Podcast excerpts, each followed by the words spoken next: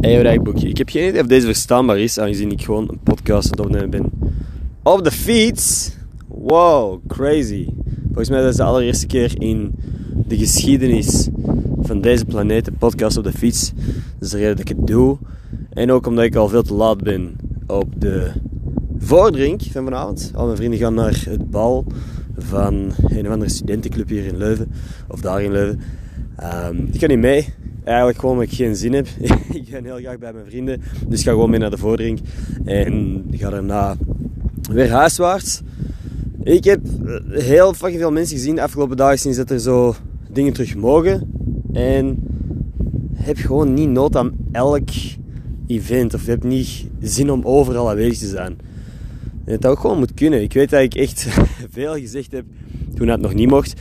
Dat ik nooit meer een event ging missen. En dat het moment dat de dingen open waren, dat ik overal aanwezig zou zijn. Maar ik weet niet, het is gewoon soms veel. En heb ik niet altijd zin in.